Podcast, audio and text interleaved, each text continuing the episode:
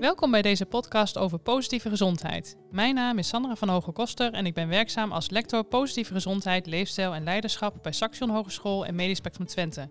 In de aankomende podcast nemen we je mee in het gedachtegoed van positieve gezondheid.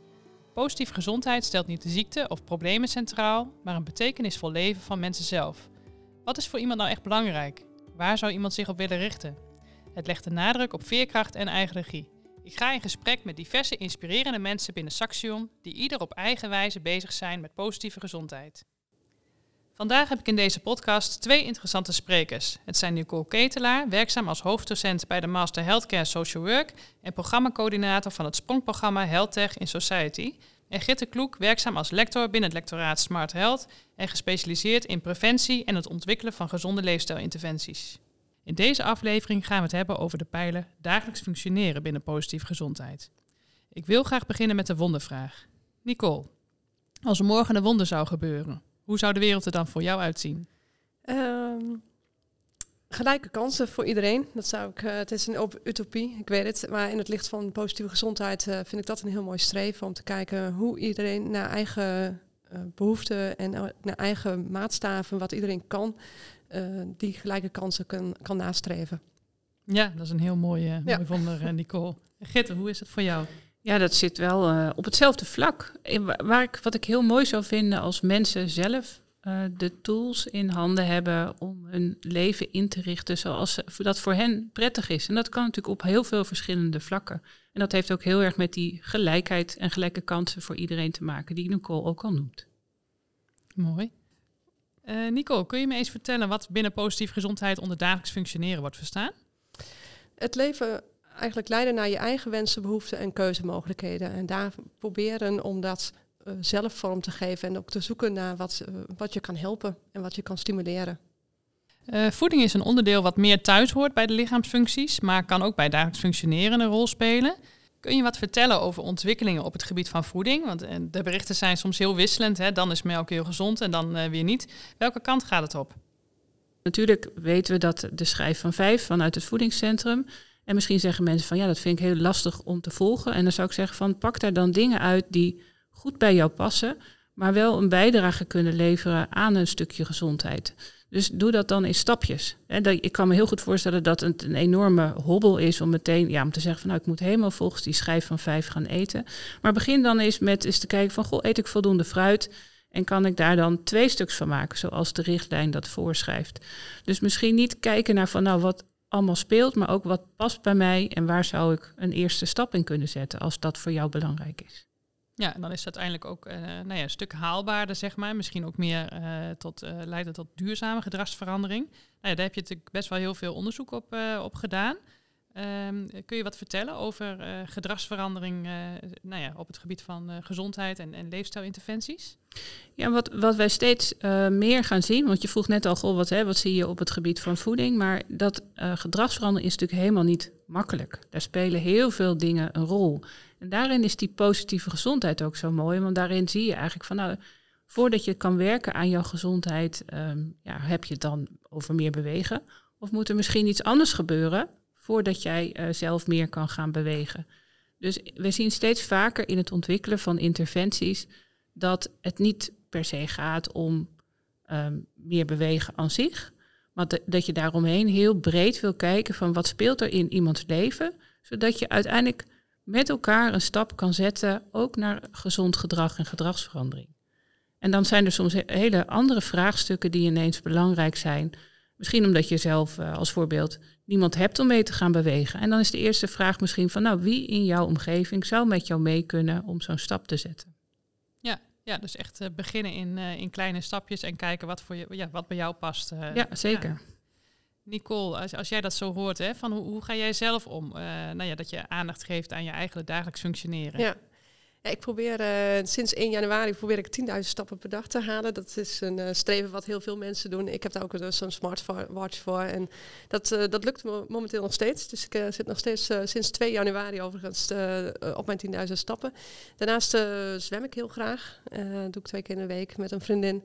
En het, het, buitenseizoen begint alweer bijna. Dat, ik moet er nu nog even niet aan denken, maar daar heb ik, vind ik heel prettig. En in mijn dagelijks functioneren probeer ik eigenlijk altijd te, te zoeken naar een balans, balans van dingen die, ja, die moeten, die, die ik wil, die ik belangrijk vind. Zoals bewegen, maar ook, ehm, ja, er zijn natuurlijk verantwoordelijkheden voor je baan of voor vrijwilligerswerk en klusjes in huis, de dagelijkse zaken. Maar ook wel dingen die ik, uh, die, die ik heel erg leuk vind. Oprechte aandacht schenken aan, aan, aan, kinderen, aan mijn man, aan uh, mensen die uh, op die dag toevallig een, een sollicitatiegesprek hebben of een examen moeten afleggen. Even een appje, even een telefoontje. Uh, dat geeft ook energie om even verbondenheid te hebben. En uh, nou, die dat streven probeer ik dagelijks wel eigenlijk wel uh, voor mezelf te, te hebben. En ja, te mooi, houden. Ja. mooi. Dus elke keer inderdaad ook, ook kleine stapjes, maar eigenlijk ook op diverse gebieden, zeg maar. En, en ook heel sterk het sociale stuk. Ja. Dat is uh, mooi. Nou ja, in die zin, het, qua sociale stuk, zeg maar, uh, je zit natuurlijk heel erg ook in die scheidslijn van en gezondheid en uh, sociale domein. En dat zie je ook steeds meer dichter bij elkaar komen. Ook, nou ja, wat Gitte net noemde, van er kan wel heel iets anders spelen. En dat speelt zich vaak ook af op sociaal vlak. welke ontwikkelingen zie je op dit gebied? Ja, we zien veel ontwikkelingen die parallel en door elkaar lopen. drie daarvan springen eigenlijk veel uit het oog. Dat is dat verplaatsen, vervangen en voorkomen van zorg. Dat heel erg dat laatste is ook meer uh, op dat preventiestuk. Um, en die, nou, bijvoorbeeld ziekenhuis, ziekenhuiszorg verplaatst zich veel meer naar die, uh, die leefomgeving, die woonomgeving van, uh, van mensen. En die woonomgeving die verschilt uiteraard. Dus wat je eigenlijk ziet dat professionals in ziekenhuizen dat, dat heel lang niet in beeld hebben gehad. Waar andere professionals, zoals de sociaal professionals, dat is van, van nature veel meer hun beeld van waar wonen mensen, in welke wijk, kunnen ze eh, is er een gezond huis, zeg maar. Huizen verschillen ook. Um, en die leefomgeving die wordt steeds belangrijker. Hoe kun je in die leefomgeving goed herstellen van een ziekte? Maar hoe kun je in die leefomgeving, je eigen woonomgeving, ook um, ja, je, je houden aan... Uh, Um, ja, aan adviezen die, uh, die je helpen om te verder te herstellen. En dat, dat is ook van, van groot belang bijvoorbeeld voor de naaste omgeving waar mensen mee, mee wonen in een huis. Wonen mensen alleen? Wonen mensen met, uh, met mensen in een huis die heel stimulerend zijn? Of, of mensen die zeggen, nou, blijf, blijf maar fijn op de bank liggen. Of mensen zeggen van, nou, kom, wie moet toch eigenlijk even een klein stukje gaan wandelen door, door de wijk. En al die dingen, dat uh, wordt steeds meer uh, van belang en dat, dat helpt ook. Ja, mooi. Dus hè, eigenlijk gezondheid en het sociale domein komen steeds meer, uh, meer bij elkaar. Ja, zeker. En daar, ik denk dat dat ook enorm, uh, zowel voor professionals, maar ook voor, voor mensen eigenlijk steeds van, van groot belang is dat wij als professionals op de achtergrond daar, daar steeds meer ook zicht op krijgen. Wat dat medische stuk, maar zeker ook dat sociale stuk, dat werkt zo door in het welbevinden van mensen. En uh, ik denk dat daar ook een heel grote kracht ook ligt om mensen eigenlijk in die veerkracht nog verder te gaan versterken. Om zelf ook in hun eigen woonomgeving, met, met de mensen om hen heen, uh, daar te zoeken naar wat mogelijk is voor, voor hunzelf. Ja, ja, dus eigenlijk wat je heel mooi zegt is dat die brede blik niet alleen bij mensen zelf uh, moet plaatsvinden, maar zeker ook bij de, bij de professionals. Ja, ja. ja. Zie je dat ook teruggitten in, in onderzoek, zeg maar? Dat je onderzoeken nu hebt waarbij die beide domeinen eigenlijk veel meer samenvloeien met elkaar? Ik zie het zeker terug, maar ook nog um, in de opbouwfase. Dus het, het wordt heel nadrukkelijk benoemd dat het belangrijk is. En dan zien we ook wel weer dat, hoewel we dat benoemen, ook nog heel goed moeten zorgen dat het dan ook daadwerkelijk gebeurt. En een van de dingen die vaak ook wordt gezegd, is dat we elkaar leren moeten leren om elkaars taal te spreken. Um, het woord interventie bijvoorbeeld. Ja, voor de ene is dat een, eh, een, een, nou ja, dat heeft een andere betekenis in het gezondheidsdomein dan bijvoorbeeld in het sociale domein. En waar heb je het dan met elkaar over? Dus er zitten een heleboel stappen in, waardoor we volgens mij wel steeds dichter bij elkaar gaan komen. Maar we moeten daar met elkaar ook nog heel hard voor aan slag. Ja, dit punt wat uh, Gitte noemt over taal, dat is eigenlijk de taal tussen professionals, uh, elkaars taal kunnen spreken. En taal zijn eigenlijk een, in een ander opzicht nog, ook nog heel belangrijk. Uh, we zien dat uh, bij 2,5 miljoen Nederlanders uh, taal, dat zij kampen met taal, veel moeilijkheden. Laaggeletterdheid is een groot probleem, maatschappelijk vraagstuk waar ook steeds meer aandacht voor komt. En wij denken dat, dat zie je eigenlijk ook terug als je kijkt naar uh, interventies over gezonde leefstijl, dat dat soms ook veel te moeilijk aan mensen wordt verteld. Dus dat, dat we daar ook met, met elkaar goed op blijven letten. Hoe, wordt dat, hoe, wordt die boodschap aan, aan mensen overgebracht? En hoe kunnen we daar mensen ook in meenemen, zowel in, in apps als in ja, in schriftelijke taal, um, vanuit, vanuit instellingen of vanuit overheids, campagnes. Eerder noem je wat over uh, nou ja, gedragsverandering en, en gedragsbehoud. Um, maar wat kan nou bijdragen aan echt dat, dat ja, duurzame gedragsverandering, gedragsbehoud? Ja, dan, dan zit je toch heel erg van, heb je nou uiteindelijk uh, ja, zo'n structuur uh, kunnen opbouwen dat het, dat het je dat ook lukt? En dat is toch ook heel lastig, Sandra. Ja, we, we zien natuurlijk dat heel veel mensen uiteindelijk weer terugvallen uh, in het oude gedrag. En ik denk ook wel, ik noemde als structuur, als je het uiteindelijk voor jezelf kunt inbouwen in jouw gewone routine. Dus eigenlijk dat het het gewoontegedrag wordt, ja, dan ga je naar gedragsbehoud. Maar dan moet je soms wel een hele lange adem voor hebben. Ja. En uh, ja, ook een keertje misschien met vallen en opstaan weer een keer heen en weer. En dan lukt het misschien daarna wel. Ja, ja. En, en zie je bijvoorbeeld ook dat mensen soms misschien wel te hoge doelen stellen, zeg maar. Hè? Iemand die bij wijze van uh, normaal gesproken 3000 stappen zet op een dag en één keer naar 10.000 uh, gaat. Zie je daar wat? Uh... Nou ja, dat of je zou kunnen zeggen van nou mensen zeggen van nou ja, ik, ik wil inderdaad ineens heel veel, zonder dat je dat dan heel um, specifiek voor jezelf maakt. En we hadden het net al over die kleine stapjes. En het is juist heel slim om het heel concreet voor jezelf te maken en daar ook een paar hele concrete handelingen aan te, um, ja, aan te koppelen. Dus als jij inderdaad wilt gaan sporten, maar je weet dat je lastig van de bank komt, nou zet dan alvast bijvoorbeeld die sporttas klaar. En dat lijkt een hele kleine, maar misschien is het net even het duwtje wat je nodig hebt en om toch te denken, oh ik hoef hem niet meer in te pakken, hij staat al klaar, nu kan ik toch op pad. Nou, zo kun je natuurlijk allerlei voorbeelden verzinnen, maar maak het dus voor jezelf ook concreet. En we weten ook dat een concrete afspraak maken, uh, dat opschrijven ook heel erg kan helpen in dat duwtje richting gedragsverandering. Dus eigenlijk voor jezelf uh, nou ja, dingen bedenken waardoor het eigenlijk makkelijker uh, ja. wordt. Ja.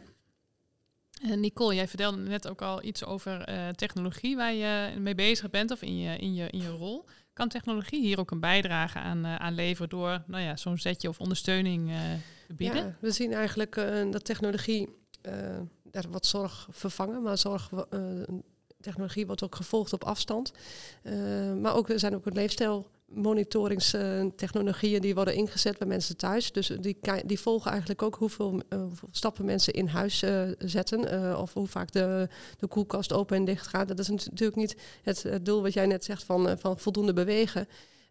maar dat is wel. Uh, welke bewegingspatronen vinden plaats in een huis? Hè? We gaan mensen naar een, een, een, badkamer, gaan, gaan mensen vaak genoeg naar het toilet. En dat ze op afstand volgen kan wel van, uh, van betekenis zijn in ook kijken of mensen uh, voldoende drinken, uh, voldoende eten, vaak naar het toilet gaan. En als dat op een gegeven moment veel minder wordt dan het dagelijkse, normale dagelijkse patroon, dan kan er mogelijk een, een kans op, op uitdroging uh, plaats gaan vinden. Wat, wat een zeker kan zijn voor, uh, voor professionals of voor familie op afstand.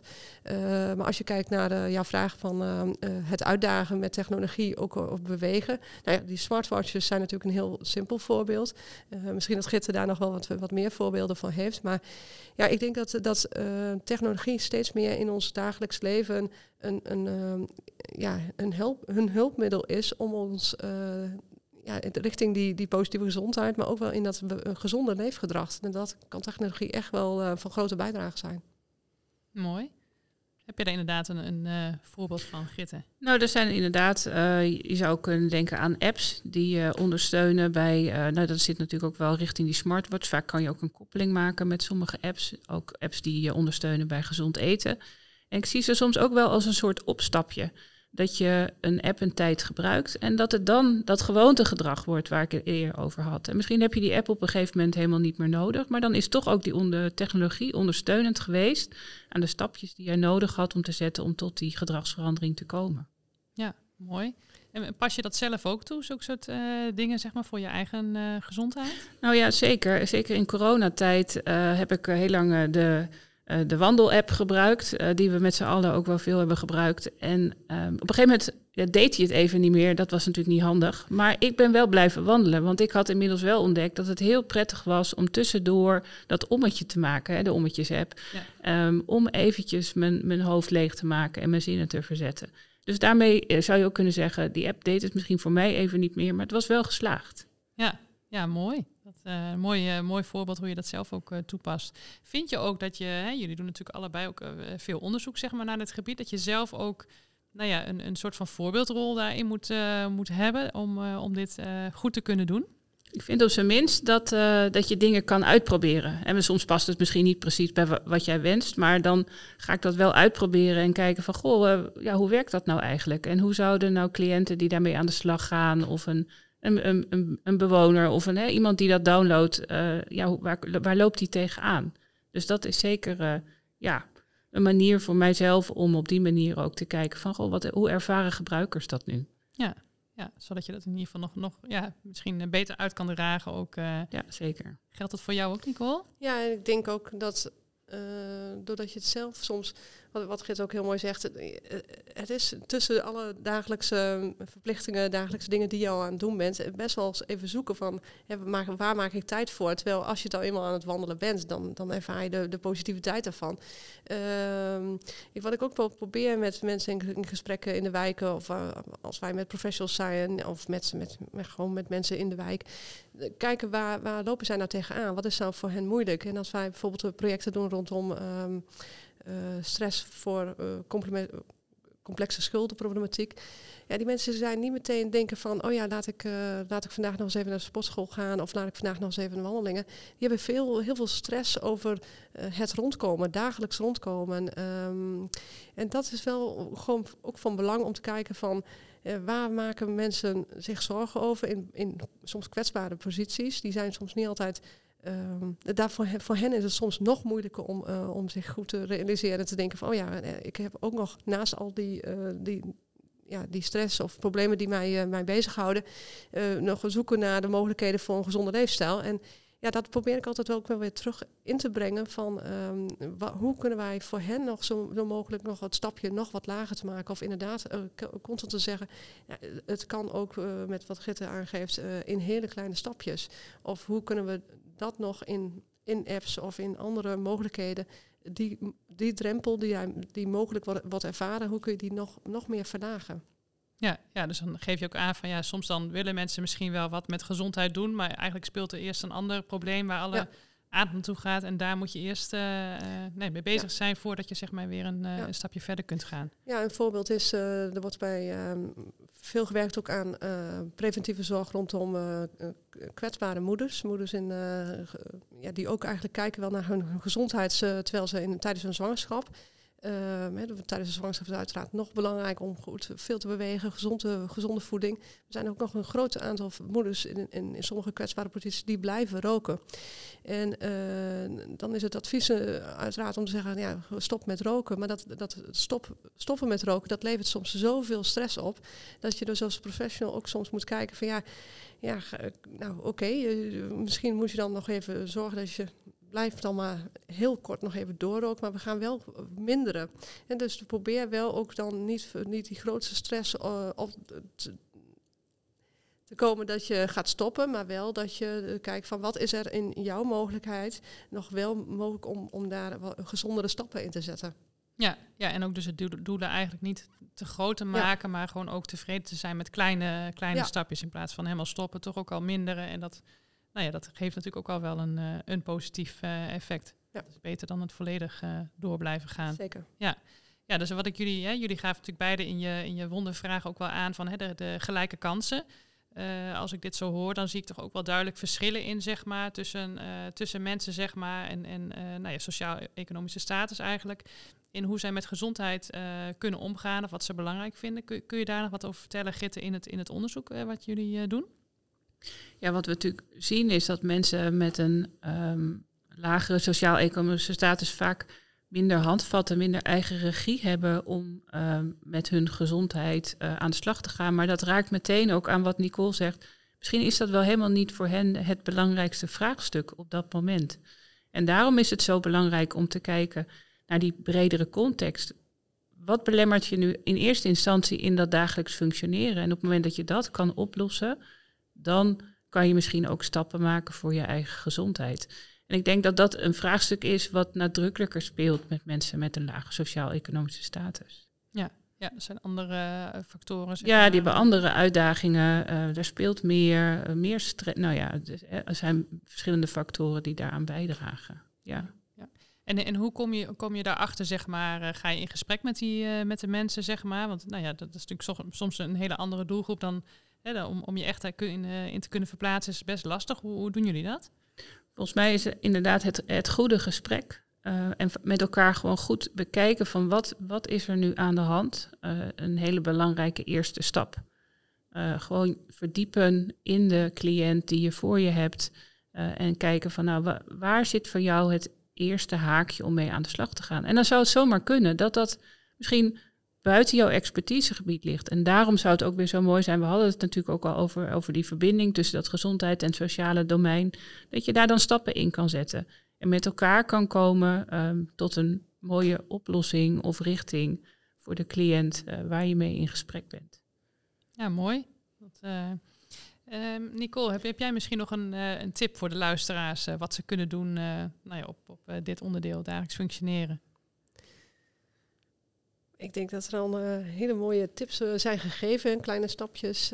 kijken we naar wat met mensen ook energie geven. Dus je hoeft niet allemaal te wandelen als je wandelen niet leuk vindt. Als je meer van het fietsen bent of meer van het zwemmen, uh, kijk naar wat, wat, wat jij leuk vindt, wat je, wat je, wat je energie geeft. En, uh, en als je niet alleen wilt wandelen, probeer te kijken, net wat, wat, wat Gert ook aangeeft, probeer dan een afspraak te maken. Vraag iemand mee met een, met een klein appje, is al genoeg om te zeggen van zo vanavond gaan wandelen.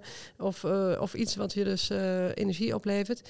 En vraag iemand mee, um, maak een vaste afspraak, dat, dat helpt soms ook goed. Hè? Dus je elke, elke woensdag dat gaat doen of een vaste dag een vast tijdstip.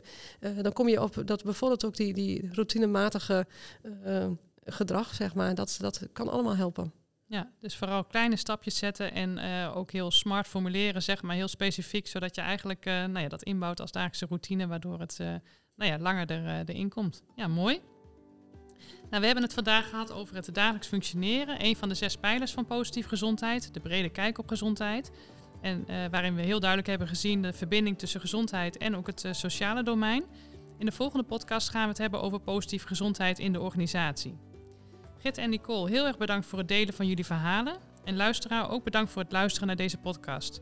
Ik hoop dat je geïnspireerd bent geraakt om met je eigen dagelijks functioneren en positieve gezondheid aan de slag te gaan. Kijk voor meer informatie op de website van het Instituut voor Positive Health via www.iph.nl. Bedankt.